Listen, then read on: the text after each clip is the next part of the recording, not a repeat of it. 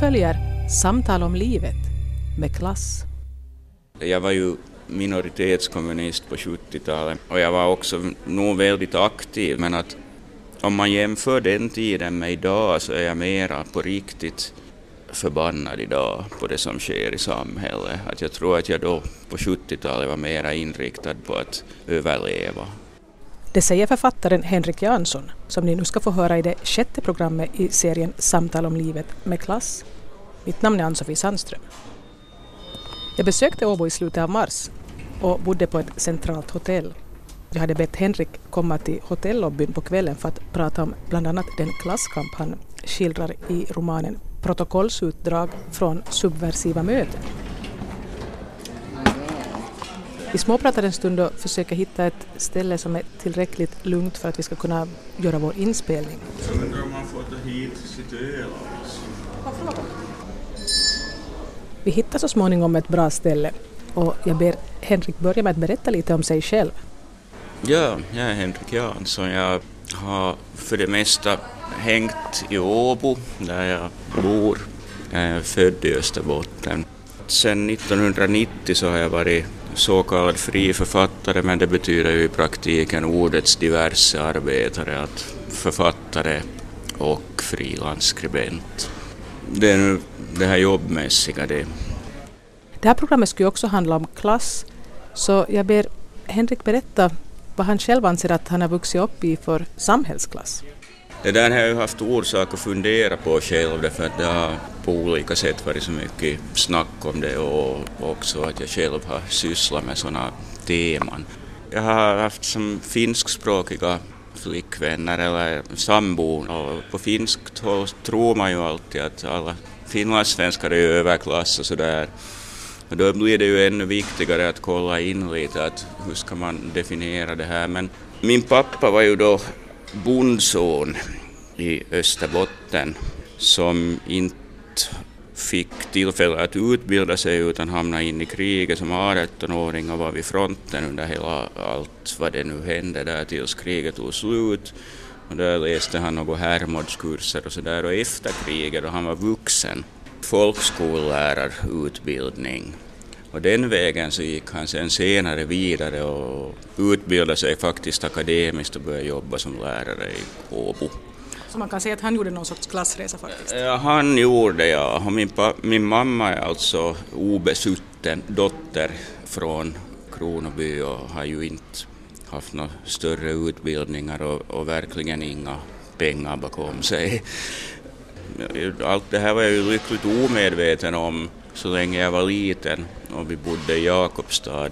Sen då vi var i Åbo och jag började gå i skola och mina föräldrar blev äldre och min pappa gjorde då faktiskt den här, som du säger, klassresan, så då var jag ju också omedveten om vad som skedde omkring mig. Men om jag hade haft en oklar klasstillhörighet tidigare så blev den ännu mer oklar under den här diffusa klassresan som jag som eh, barn och växande ungdom inte kunde definiera eller vara klar på. Så att, ja, så här skulle jag se det. Och Henrik själv då? Vilken klass tycker han att han tillhör? Ja, jag har aldrig åtminstone hört till den klass som liksom har pengar eller som är den ledande klassen eller sådär. Nu det, kan man ju också säga så att klasserna var ju mycket klarare tidigare, då kunde man tala om faktiskt arbetarklass och överklass och medelklass eller sådär. Arbetarklassen finns ju fortfarande precis lika mycket som förr, men den ser kanske lite annorlunda ut. Att man kan ju tala om den nya arbetarklassen. Prekariatet talar ju vissa om. Nu hör ju ganska mycket kulturarbetare dit och snuttjobbare och ensamförsörjande en del studerande och, och mycket av den gamla traditionella arbetarklassen. Men att det är som en liten omstrukturering. Men i den bemärkelsen så det är ju där jag har mina sympatier då. Jag är ju också kulturarbetare. Men att nu handlar det ju också om en fördelning av ekonomiska resurser i det här landet och hur det går till och i vilket läger man står då. Jag tycker att det är mycket viktigt faktiskt. Men att, eh, nu minns jag rätt nu att du har doktorerat också? Ja, det har jag ju också. I mitt tidigare liv så gjorde jag det. Så det här bildningsmässigt tillhör den högsta kasten eller högsta klassen? Bildningsmässigt, ja, det kan man ju säga. Det här doktorskapet för min del var ju för jättemånga år sedan. Men du gjorde det i alla fall, det är inte nu alla ändå som trots allt doktorerar. Jag gjorde det ja, för att jag fick ett sånt här jobb som assistent på litteraturvetenskapliga institutionen efter att ha studerat med en sån ämneskombination att jag inte hade någon möjlighet ens att få något jobb så fick jag då det enda jobb som jag faktiskt hade möjlighet att få rent teoretiskt. Alltså assistent på Litvetinst och, Och där ingick ju jobbet att man hade faktiskt tid för forskning och lön. Så, att, så då gjorde jag det, det var mitt jobb.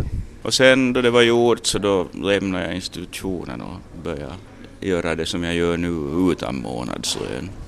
Det var så här att eftersom min pappa inte hade fått utbilda sig Då han ville? då han ville och liksom fått kämpa ska vi säga så mycket för att göra det. Så för honom var det en big deal det här med att, alltså stort det här med att utbilda sig. Och han hade ju verkligen också åstadkommit mot alla odds det att han, han blev ju liss och sådär. Men han hade de förväntningarna på mig att, att jag åtminstone skulle bli doktor då. Så att kanske jag gjorde det för hans skull, det är ju möjligt, men att det var också det att, att jag kunde ju inte finna något nöje i det för jag fick ju det gratis. Jag hade möjlighet att göra det. Så det var liksom inget som gav mig någonting. Så du kanske skulle måste kämpa för att få gå i yrkesskola eller något sånt om du skulle ha råkat ha läggning åt det hållet? När jag fick kämpa för att bli författare och komma vidare på den grejen, den personliga karriärkampen om man säger så. Jag tyckte ju då då jag hade doktorerat och så att säga lämnade där och började satsa mera helt på att skriva böcker att, att jag hade kasta bort lite tid kanske på att hänga där på akademin eller att jag verkligen, jag hade verkligen ganska mycket känslan av att jag aldrig hade trivts där. Kanske inte var riktigt rätt person att vara där, att det liksom gick inte ihop. Men däremot får jag väl säga att, att det är kanske liksom lyxgnäll att, att säga att, att det var så hemskt där på Åbo Akademi att jobba, för det var ju ett mycket fritt jobb som man inte idag skulle kunna drömma om och så var det också då ändå månadslön. Att, att nu så är det ju annat, att nu får jag ju faktiskt kanske lite mera göra någonting för att få ihop någon form av inkomst. Men att nu så har jag haft ett väldigt givande arbete då och framförallt på, nu på 2000-talet så har det gått väldigt bra hand i hand med, med det som har rört sig inom mig.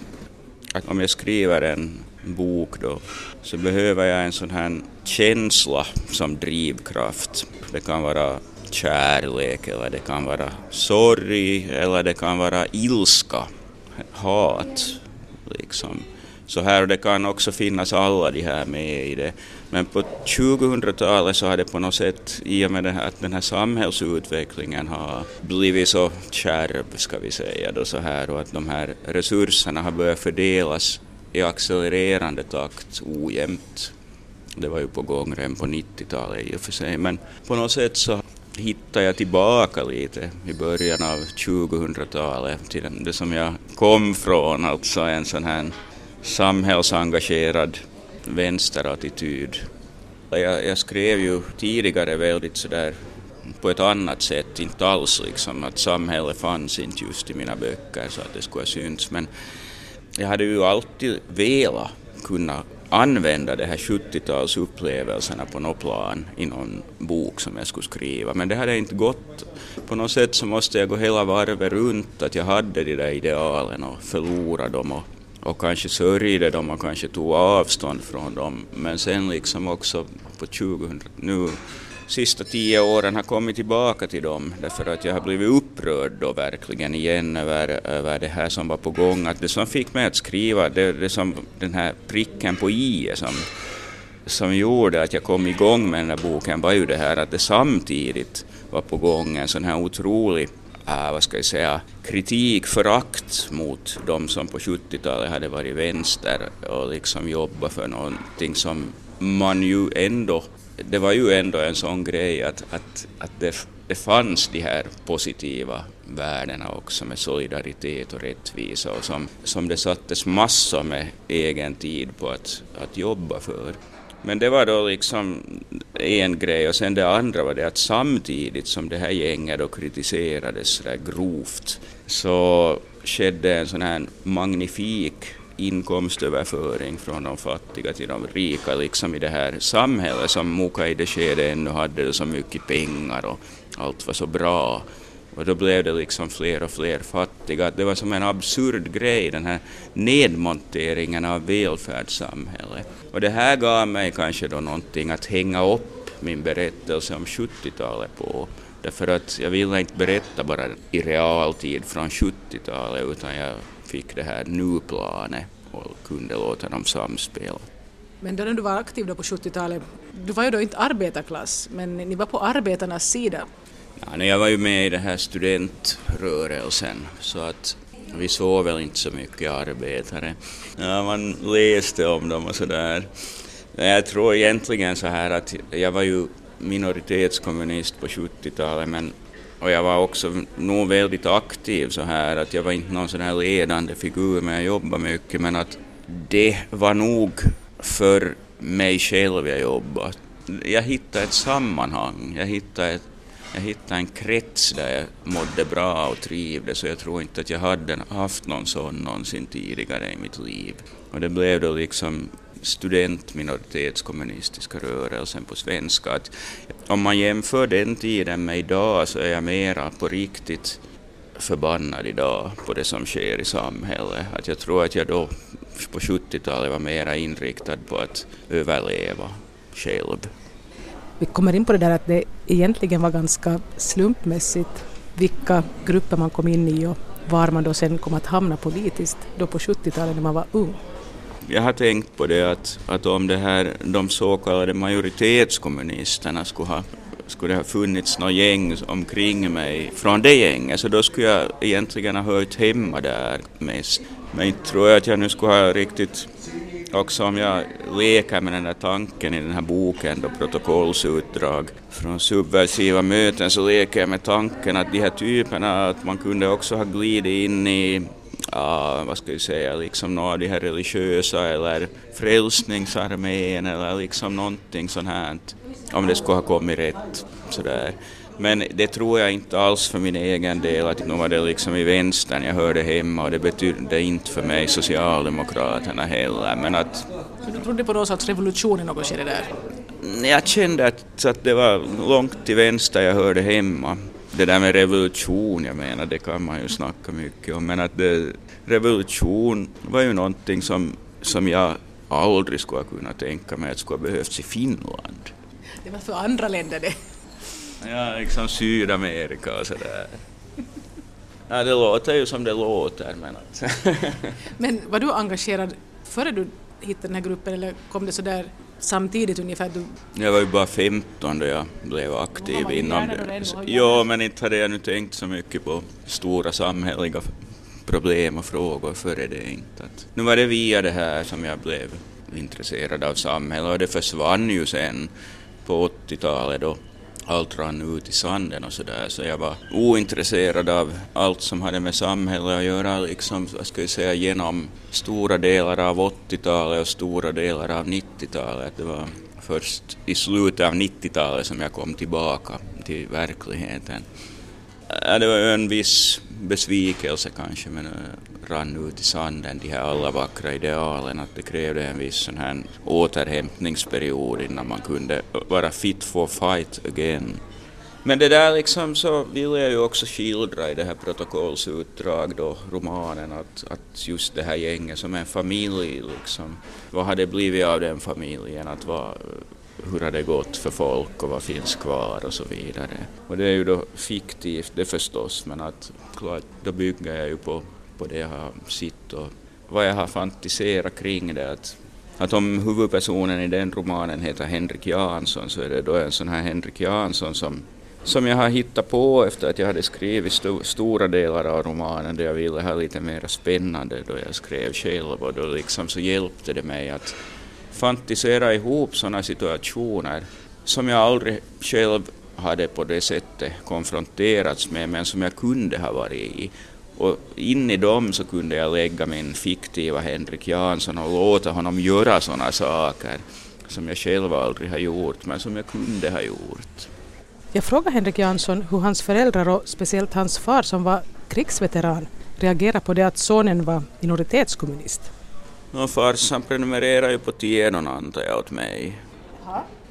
Jo, nej, han var ju sådär att man kan ju inte ha någon faders uppror mot en sån farsa som blir man kommunist så prenumererar han på Tiedon antar jag och så vidare. Skulle du blivit religiös skulle du säkert ha fått någon religiös tidning eller en bibel.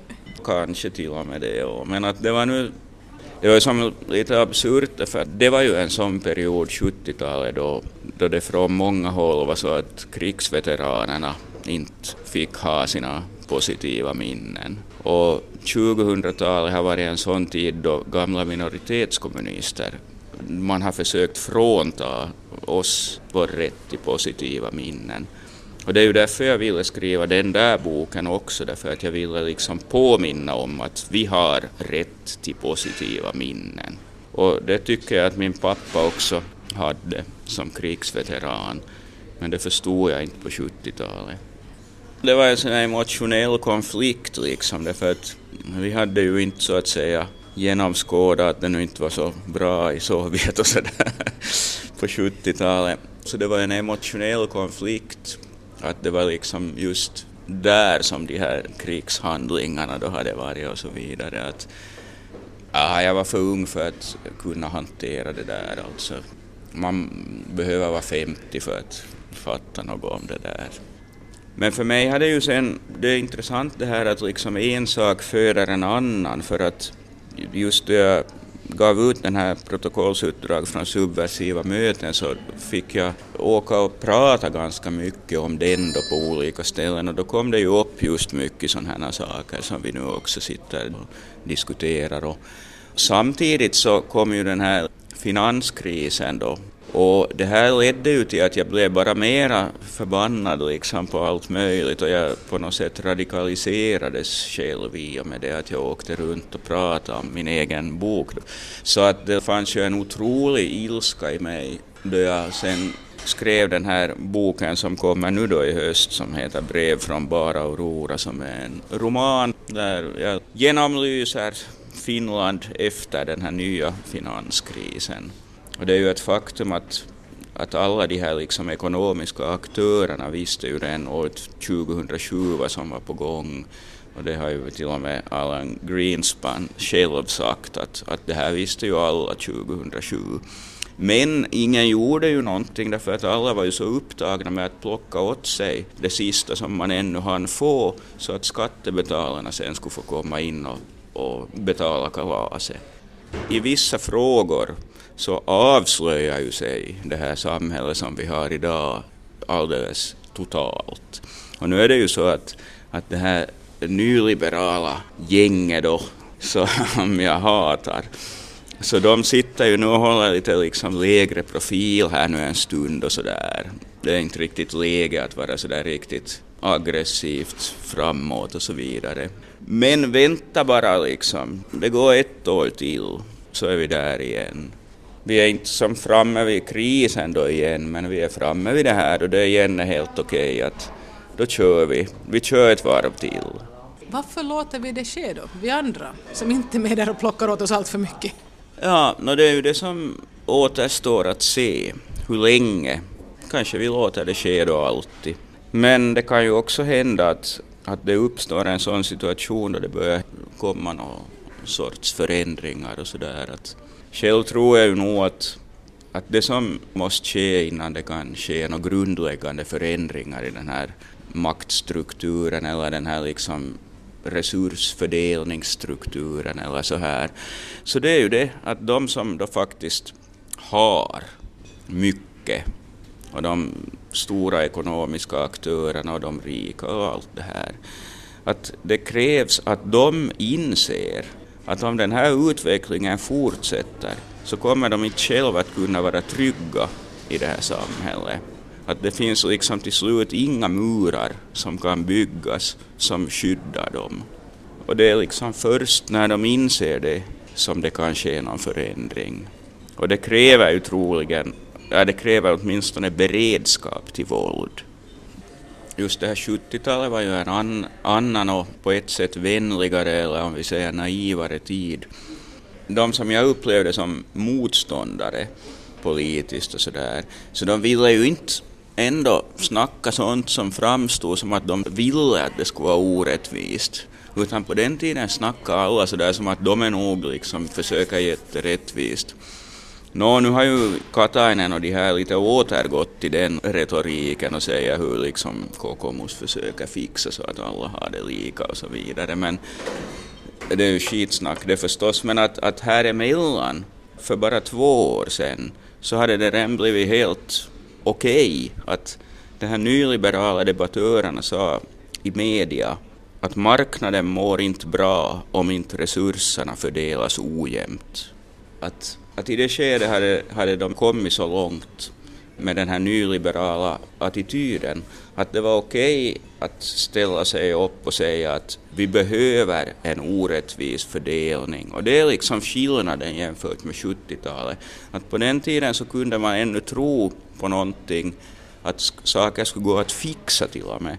Därför att ingen sa på det sättet då, utan alla sa att vi vill nog att allt ska vara bra. Men nu eh, är det slut med det. Det betyder ju också kanske då att det behövs den här beredskapen till våld.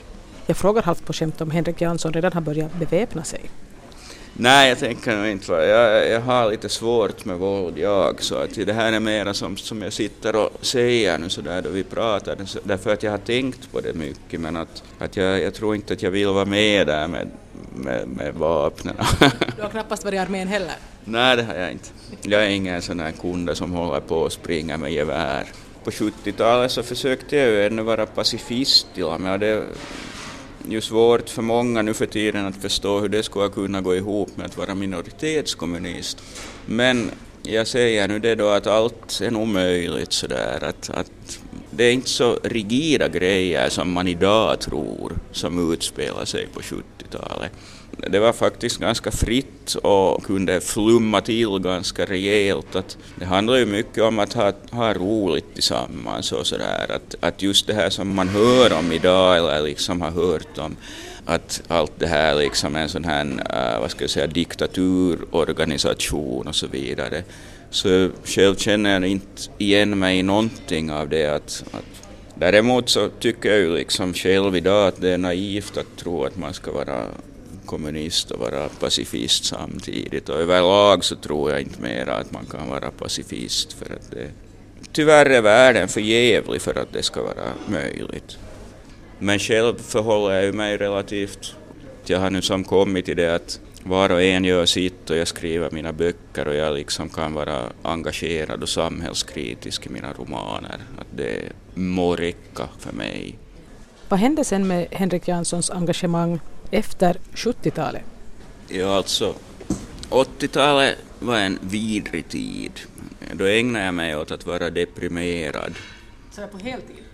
Ja, när jag skrev ju de där böckerna och så jobbade jag på akademin så att jag var ju inte som sjuk på det sättet enligt en officiell definition. Men deprimerad var jag, att jag hade inte någon sån här geist överhuvudtaget. Att det var först då jag i slutet av 80-talet började leva familjeliv med två barn, småbarn och sådär. De två var inte mina biologiska utan de var ett och två år då jag började bo med dem. Då fick jag en ny familj istället för den här kommunistiska familjen. Och det var på något sätt det som hjälpte mig ut ur den här, ska vi säga, sex, sju, åttaåriga depressionen som jag hade haft. Så det var 80-talet och på 90-talet så levde jag familjeliv och tänkte inte så mycket på vad som hände i samhället då heller. Men sen gick jag i gestaltterapi, gruppterapi i 6-7 år på 90-talet och det var ju någonting som gjorde mig också mycket gott. Jag frågade Henrik Jansson om man till och med skulle kunna säga att det var tack vare den här terapin som han sen blev den person han är idag. No, det bidrog till det. Det är liksom det att jag fick ett annat liv med ett familjesammanhang som jag ju i och för sig då inte har mera det familjesammanhanget men, men det har lämnat mycket goda spår. Plus den här liksom terapin så det gjorde mig ju till den människa som jag är idag tror jag. Henrik lät förstå här tidigare i programmet att han definitivt inte tillhör de som har pengar här i samhället och att han på sätt och vis hör till prekariatet. Så hur klarar han sig ekonomiskt? Nå, no, det, det har gått. Jag tjänar lite och så får jag en del stipendier och så där och så har jag små utgifter. Och min sambo så har ett vanligt jobb så hon försörjer åtminstone sig själv om inte annat. vi har skilda ekonomier och bor tillsammans. Men att jag, jag klarar mig. Men att det är klart att varje år så får man ju liksom funsa att ska det komma några sådana här ordentliga inkomster det här året, att det liksom behövs årliga stipendier nu för att det ska gå ihop. Att inte, inte kan man ju som försörja sig på det att man skriver lite litteraturrecensioner och kolumner. Men vänta, hur gammal är du? Du är 50 vadå nu? Ja, jag fyllde faktiskt 55. Sant det? Svårt att tro, men så är det ju. Jag frågade Henrik om han har börjat fundera på det där med pension. No, jo, no, det är ju sådana saker som man på något sätt mer eller mindre medvetet, omedvetet avstår från om man går in för att bli heltidsförfattare. Det visste jag ju i och för sig, jag hade inte tänkt på det där då jag gjorde de där övervägandena men att sen har jag ju nog insett att jag kommer nog att ha stor nytta av folkpensionen, ja. Det ser jag klart nu redan. Att det är på gott och ont det där när man är författare att när man är författare så behöver man ju å andra sidan inte sluta jobba. Om man nu inte får en vägg emot eller sådär och orden tar slut eller man är sjuk eller ingen ger ut någonting som man skriver eller så, men att som i princip så finns det ingen pensionsålder. Jag har många författare som är 80 och 70 och som är ganska aktiva. Så jag hoppas jag ska bli en av dem. Jag frågar Henrik hur han i övrigt ser på framtiden. Jag är medveten, eller jag tänker inte mig att jag ska ha de bästa åren av mitt liv framför mig. Att de bästa åren har jag kanske redan haft eller sådär, att efter 55 så är jag tvungen att räkna med att fysiken kanske blir sämre och allt sånt här. Sen dör man också och sådär, men det, jag, jag läste just, jag tror det var Sara Stridsberg som skrev att, att människan är en sån här varelse som vet att hon ska dö och för att kunna existera och överleva så länge och som art också så gör människan allt hon kan för att förtränga det här faktumet att hon ska dö. Och det är också nödvändigt för att det ska gå att existera. Så att jag tror att det passar bra in på mig att jag tänker inte så mycket på just när man kommer till den punkten utan jag tänker väl sådär att, att jag hoppas att jag ska få vara så frisk som möjligt och då vill jag, då vill jag helt enkelt jobba med nog lite liknande saker som jag gör nu och dyker det upp något nytt roligt så varför inte men att jag tycker att jag just nu har ett ganska bra liv. Av ren nyfikenhet frågar jag vad Henrik har för förhållande till tro och religion. Inte ska man någonsin säga välja bort någonting sådär på förhand men att, att jag är nu inte så hemskt inne i de där grejerna faktiskt, att jag har aldrig varit det heller. Jag har ju nog fått en kristen uppfostran och min mamma har bett aftonbön med mig och sådär. Men just nu så lever jag i ett långt mellanstadium i den grejen, att vi får se sen då jag är 70 eller 80 och sådär. Så du tänker att det där tar du sen ifall det behövs? Du sa det. Man kan ju inte förlora något på det. Stämmer det inte så stämmer det inte och stämmer det så är det bra att vara med. Det sa Henrik Jansson. Kanske man skulle kunna ta en till. Kanske vi liksom är Nästa vecka samma tid får ni träffa Pia Ingström i den sjunde delen av serien Samtal om livet med klass. Och för den som är intresserad kan jag berätta att de program som redan har sänds finns tillgängliga på arenan.